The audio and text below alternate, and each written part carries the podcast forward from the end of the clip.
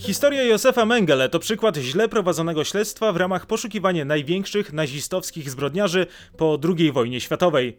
Mengele przez długi czas bez żadnego problemu wymykał się służbom, które działały wyjątkowo nieskutecznie.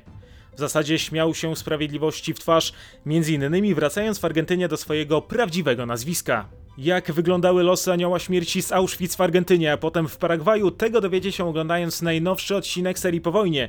Przypominam, że na stronie powojnie.sklep.pl trwa sprzedaż mojej pierwszej książki zatytułowanej Jak Moskwa oszukała Zachód w 1945 roku. Wszystkim osobom, które już ją zakupiły, bardzo dziękuję. A teraz zapraszam na najnowszy odcinek.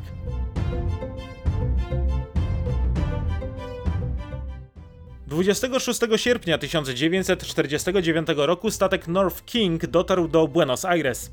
Na pokładzie znajdował się Józef Mengele, posługujący się fałszywym dokumentem na nazwisko Helmut Gregor.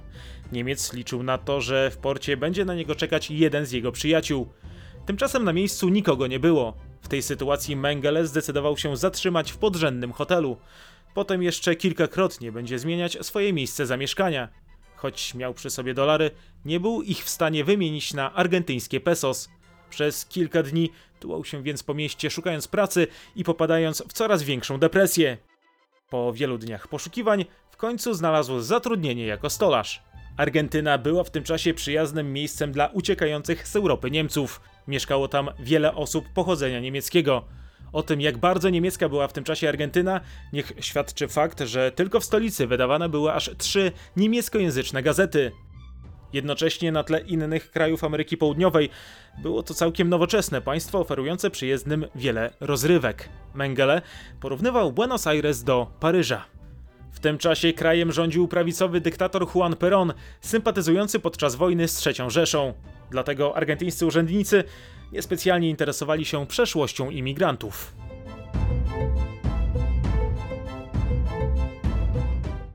W ciągu kolejnych tygodni i miesięcy Mengele poznawał wpływowych Argentyńczyków i wysoko postawionych nazistów, którzy uciekli z Europy. Jednym z pierwszych kontaktów był Willem Sassen, były oficer Abwehry. W Ameryce Południowej był m.in. rzecznikiem Adolfa Eichmana, a następnie doradcą Augusto Pinocheta. W 1952 roku Sassen przedstawił Mengelego Adolfowi Eichmannowi. Byli naziści, spotkali się w kawiarni ABC. Nigdy nie zostali jednak prawdziwymi przyjaciółmi. Łączyły ich przede wszystkim wspólne interesy i kłopoty. Mengele poznał w Buenos Aires również znanego i cenionego architekta Frederico Hasse. To właśnie dzięki tej znajomości Niemiec otrzyma wkrótce paragwajskie obywatelstwo. W 1951 roku wybierze się tam w roli przedstawiciela zachodnio-niemieckiej firmy produkującej sprzęt rolniczy. Co ciekawe, podczas tamtej podróży używał swojego prawdziwego nazwiska Mengele. Zbrodniarz stale otrzymywał też wsparcie finansowe od swojej rodziny w Niemczech. Prowadziła ona dobrze prosperującą firmę współpracującą z Amerykanami. Hasse poznał Mengelego z paragwajskim faszystą Wernerem Jungiem. Wkrótce stanie się on ważną postacią po tym, jak w Paragwaju nastaną dyktatorskie rządy. W 1953 roku dzięki otrzymanym od rodziny pieniądzom Mengele zainwestował w niewielki zakład stolarski w dzielnicy Florida. Niemiec, dla osób, które go wtedy poznały, sprawiał wrażenie człowieka uprzejmego i dowcipnego. Nawet po wielu latach niektórzy z jego argentyńskich przyjaciół twierdzili, że oskarżenia wobec niego były amerykańskim kłamstwem. Nie mogli uwierzyć, że tak kulturalny człowiek mógł dopuścić się takich okrutnych zbrodni. Zresztą niespecjalnie interesowali się przeszłością swojego przyjaciela, a i Mengele niewiele mówił o swojej działalności w obozie koncentracyjnym. Tymczasem w 1954 roku jego żona Irene, przebywająca wtedy w Niemczech, poślubiła nowego mężczyznę. Mengele, kiedy się o tym dowiedział, jedynie wzruszył ramionami. W końcu od kilku lat układał sobie życie w nowym miejscu i na innym kontynencie. Poza tym z miesiąca na miesiąc poprawiał się jego status materialny. Stolarnia przynosiła coraz większe zyski. Dzięki coraz grubszemu portfelowi Niemiec stał się bywalcem ekskluzywnych restauracji w Buenos Aires.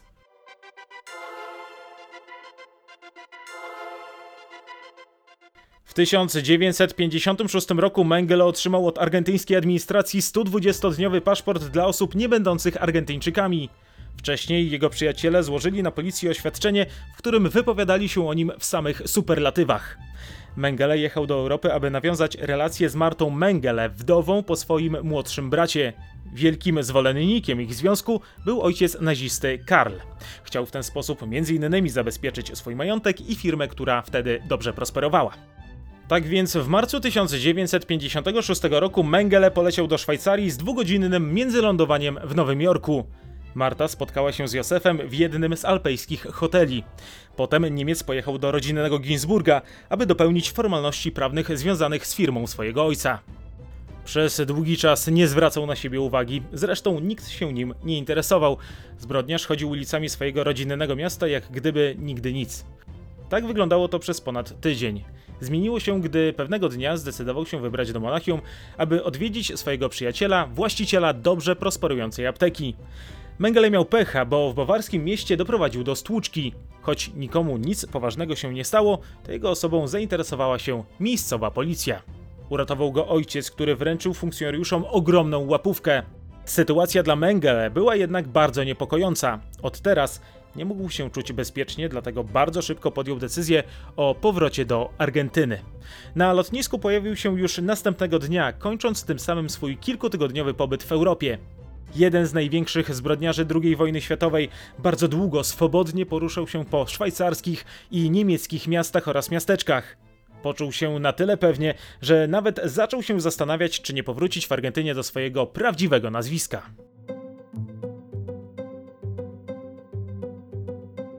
W 1956 roku Mengele zdecydował się kupić dom w jednej z dzielnic Buenos Aires. Chciał też wykupić udziały w spółce farmaceutycznej Fadro Farm. W obu przypadkach potrzebował dowodu tożsamości. W tym celu udał się do zachodnio-niemieckiej ambasady, potwierdzając, że Helmut Gregor, czyli imię i nazwisko, których używał rejestrując swój pobyt w Argentynie, i Józef Mengele to te same osoby. Trzeba pamiętać, że w tym czasie nie było żadnego nakazu aresztowania wobec anioła śmierci z Auschwitz. Alianci po wojnie uznali, po przesłuchaniu rodziny Mengele, że ten prawdopodobnie nie żyje. Będąc w ambasadzie RFN, Józef podał więc swoje prawdziwe dane, włącznie z datą urodzenia i adresem w Buenos Aires, a także w rodzinnym Ginsburgu. 11 września 1956 roku niemiecka ambasada potwierdziła te informacje. Równocześnie trwał proces formalizujący pobyt Niemca w Argentynie. Mengele zeznał przed sądem w Buenos Aires, przyznając się, że on i Gregor to ta sama osoba. Sędzia zgodził się, aby wydać mu odpowiednie zaświadczenie. Następnie Mengele miał się udać na komisariat policji. Co z tego, że wcześniej podawał fałszywe dane? Nikogo to nie interesowało. W listopadzie 1956 roku Niemiec otrzymał dowód osobisty na nazwisko Mengele. Chwilę potem otrzymał też zachodnio-niemiecki paszport. W październiku 1956 roku Marta przeprowadziła się wraz z synem do Argentyny i zamieszkała z Józefem. Dwa lata później para wzięła ślub, a następnie spędziła miesiąc miodowy w Urugwaju. W tym samym czasie Mengele sprzedał stolarnię i wykupił udziały w firmie farmaceutycznej. Zajmowała się ona m.in. produkcją leków przeciwko gruźlicy.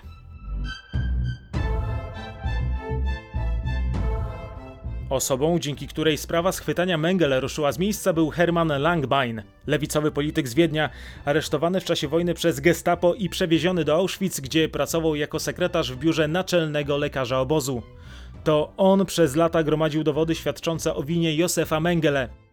Udało mu się m.in. dotrzeć do byłych więźniów obozu śmierci i nagrać z nimi wstrząsające wywiady. Dotarł też do informacji, że Mengele już po wojnie podpisał dokument rozwodowy swojej pierwszej żonie, co było zresztą prawdą. Pojawiła się w nim informacja, że nazista przebywa w Buenos Aires. We wrześniu 1958 roku Langbein przesłał zgromadzone informacje do Ministerstwa Sprawiedliwości RFN. Urzędnicy zachodnio-niemieckiego państwa nieszczególnie byli zainteresowani wydaniem nakazu aresztowania wobec nazisty. W tym samym czasie w Argentynie Mengele udzielił swojej żonie wszystkich potrzebnych pełnomocnictw do prowadzenia firmy i wyjechał do Paragwaju, szukając nowych rynków zbytu dla maszyn rolniczych sprzedawanych przez jego rodzinną firmę w Niemczech.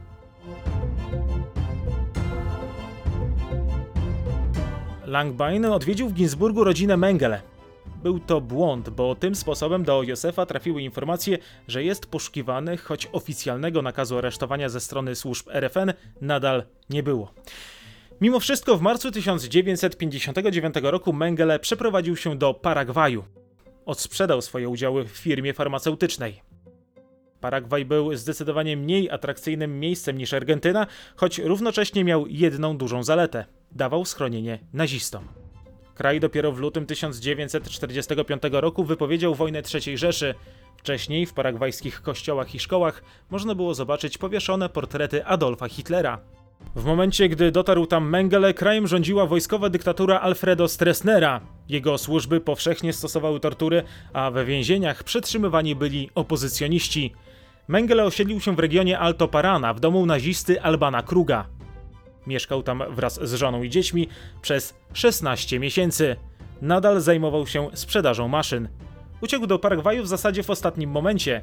Zaraz po jego wyjeździe z Argentyny władze RFN w końcu wydały wobec niego akt oskarżenia, a Ministerstwo Spraw Zagranicznych w Bonn wystawiło za nim list gończy.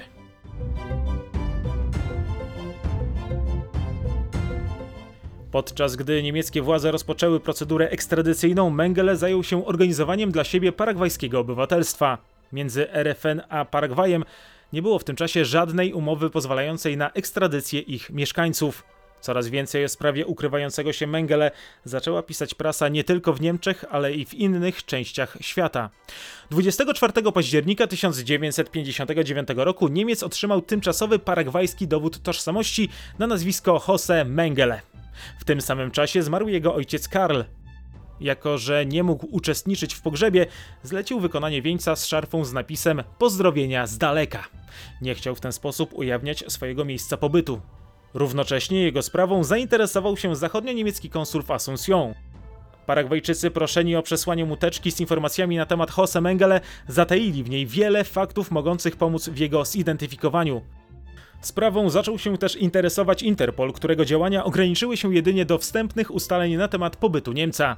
Równocześnie wokół sprawy zaczęły węszyć również izraelskie służby. Pętla wokół szyi Mengele zaciskała się coraz mocniej.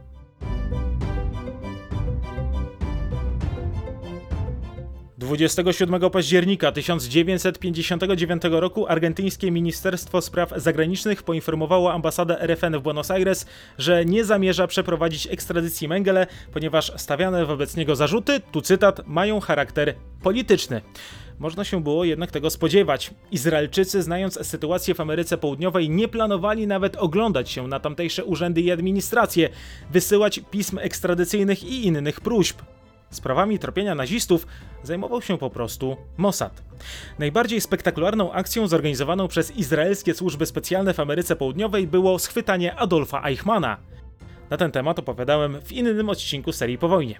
Podczas realizacji tamtej akcji pojawił się pomysł, aby oprócz zatrzymania Eichmana schwytać też Mengele.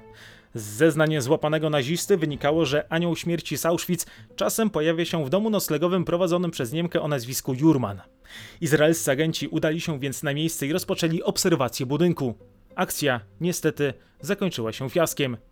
Z informacji uzyskanych od mieszkańców domu oraz jego właścicieli wynikało, że być może ktoś taki jak Mengele kiedyś tam mieszkał, ale obecnie już go tam nie ma.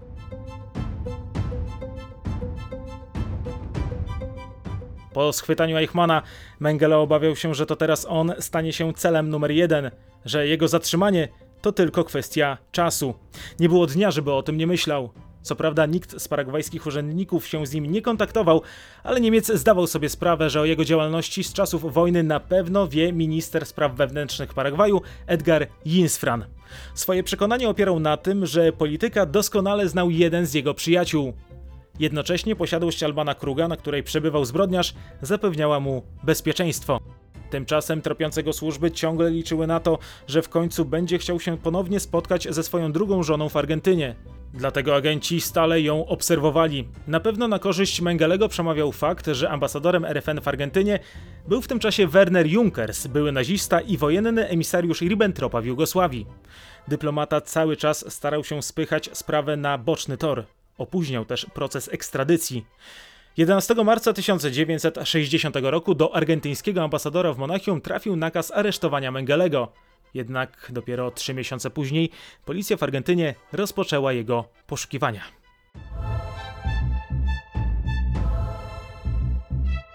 Sprawa trafiła do mediów. Prezydent Argentyny Arturo Frondizi zapewniał, że nie będzie tolerował kryminalistów w swoim kraju. Jednocześnie przekonywał, że ekstradycja będzie mieć miejsce tylko wtedy, jeżeli strona niemiecka przedstawi wiarygodne dowody zbrodni poszukiwanego Niemca. Część sojuszników Mengele w Paragwaju zaczęło wątpić w swoją misję ukrywania zbrodniarza. Kiedy do prasy zaczęło wyciekać coraz więcej szokujących relacji z Auschwitz, ich wątpliwości tylko się pogłębiły. Niektórym ciężko było w to uwierzyć. Mengele miał ich zapewniać, że nie prowadził badań, o które go oskarżają. Twierdził, że ta cała nagonka to nic innego jak kolejny żydowski wymysł. Równocześnie Niemiec zaczął zastanawiać się nad samobójstwem. Pech go nie opuszczał. Dochodziło niekiedy do absurdalnych zbiegów okoliczności.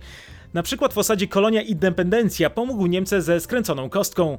Jak się później okazało, była ona pracowniczką zachodnio-niemieckiej ambasady w Paragwaju.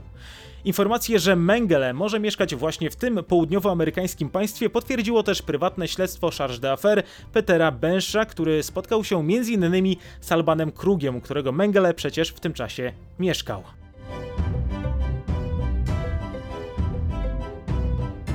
Ale Bonn niespecjalnie przejmowało się informacjami płynącymi z Paragwaju. Władze RFN nadal bowiem naciskały na rząd niewłaściwego państwa. Pisma stale były wysyłane do Argentyny. RFN domagał się błyskawicznej ekstradycji zbrodniarza. Poza tym władze w Bonn wyznaczyły nagrodę w wysokości 20 tysięcy marek za pomoc w ujęciu Mengelego. Była to pierwsza taka sytuacja w historii, gdy oferowane były tak duże pieniądze za wsparcie w poszukiwaniach nazisty. Na nic się to jednak zdało. Anioł śmierci z Auschwitz pozostawał nieuchwytny. Choć Niemiec przebywał w Paragwaju, to obawiał się, że wkrótce może wpaść w ręce izraelskiego Mossadu. Zdecydował, że musi zmienić otoczenie i uciec do kolejnego państwa. Wybór padł na Brazylię. Wyjechał tam w październiku 1960 roku. Na miejscu pomógł mu były działacz Hitlerjugend Wolfgang Gerhard. Mengele zerwał też kontakty ze swoją rodziną w Argentynie. A jak wyglądały dalsze poszukiwania zbrodniarza, a także w jaki sposób dalej unikał sprawiedliwości, tego dowiecie się oglądając kolejne odcinki serii po wojnie. Ja tymczasem dziękuję za uwagę, zachęcam do subskrybowania kanału i zakupu mojej książki na stronie powojnie.sklep.pl. Do usłyszenia.